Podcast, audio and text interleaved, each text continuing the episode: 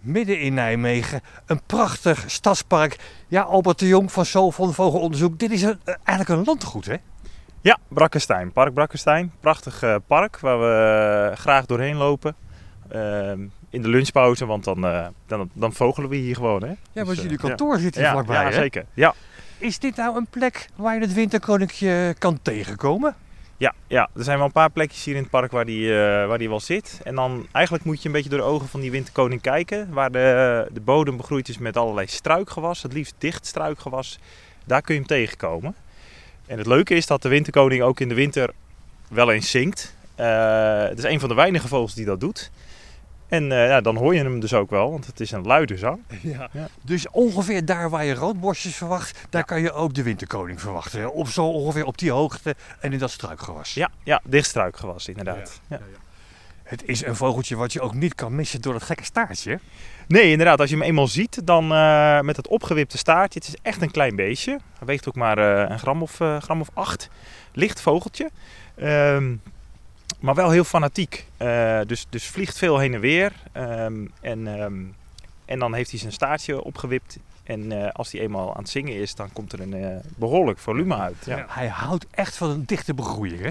Ja, ja, mensen kennen hem denk ik wel vanuit de, de tuin. Als je een wat groenere tuin hebt, met veel struiken dus. En het liefst ook wat holtes. eh, dus, dus bomen met een, een holletje of een schuur met een overkapping waar die onder kan zitten. Dat doen ze ook wel.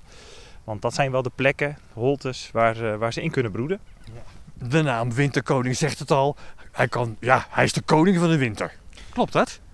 Nou, niet helemaal. Eh, eigenlijk- of eigenlijk helemaal niet. Nee? Eh, zodra het echt koud wordt, en eh, dan heb ik het over winters met vooral veel sneeuw, vindt hij vervelend.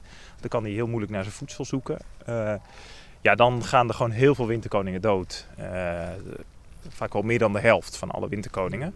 En ja, dan zie je ook dat het een paar jaar duurt voordat de stand van de winterkoning weer hersteld is.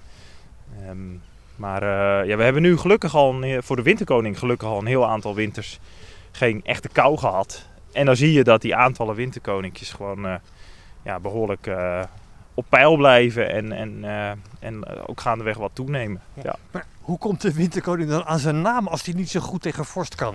ja, dat moet ik dus even opzoeken. Dat Ja. weet je ook niet. Nee, nee, nee, nee. Dus ik. Al, bij al die vogels is dat wel uitgezocht. Eh, eh, bij ijsvogels zit daar. Ja, is het ook niet helemaal duidelijk. Dat is natuurlijk een ander bekend voorbeeld van eh, een, een niet zo winterharde soort. Ah, wacht, kijk hier zo. Oh, je bent gelijk op je telefoon al aan het Ja, ja, zeker ja. Er, er staat iets over een Griekse sage. Het vogelrijk moest een koning gekozen worden. En wie het hoogste kon vliegen, vliegen zou koning worden. Het slimme winterkoninkje lifte mee op de rug van de arend en kwam zo het hoogst en werd dus koning. En dat is een antiek verhaal, wat ook in de noordelijke streken, dus bij ons, bekend is geworden.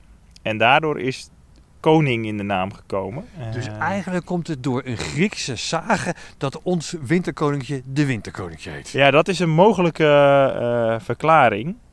Ehm, en een andere is, en die is iets minder waarschijnlijk, dat hij vooral in de winter zingt. En dat hij daarom eh, koning van de winter zou zijn. Maar dat is niet waar. Kijk, winterkoninkjes zingen af en toe in de winter, maar niet zoveel dat ze, eh, ja, dat ze er nou echt, eh, echt op bekend staan. Dus het blijft een rare naam, hè? Ja, het blijft een hele rare naam, niet logisch. Nee, maar ik zou. ik vind het wel een grappige naam. Ik zou ook niet zo snel een alternatief weten.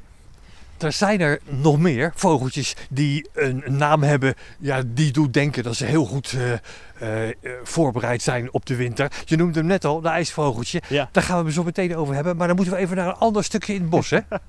Ja, we hebben hem hier één keer gezien. Er is een plasje verderop. Ehm, dit is niet echt een heel typisch ijsvogelgebied.